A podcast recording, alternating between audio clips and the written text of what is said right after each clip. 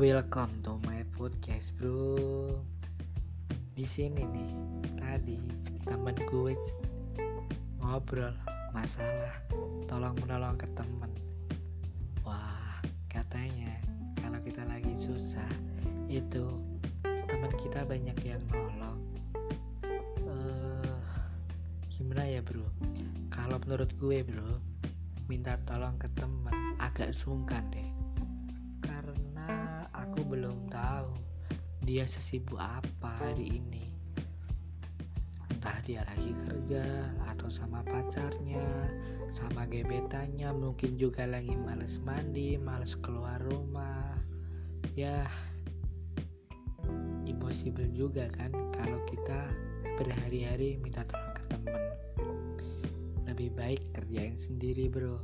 Walaupun gagal ya udahlah belum rezeki. Mungkin besok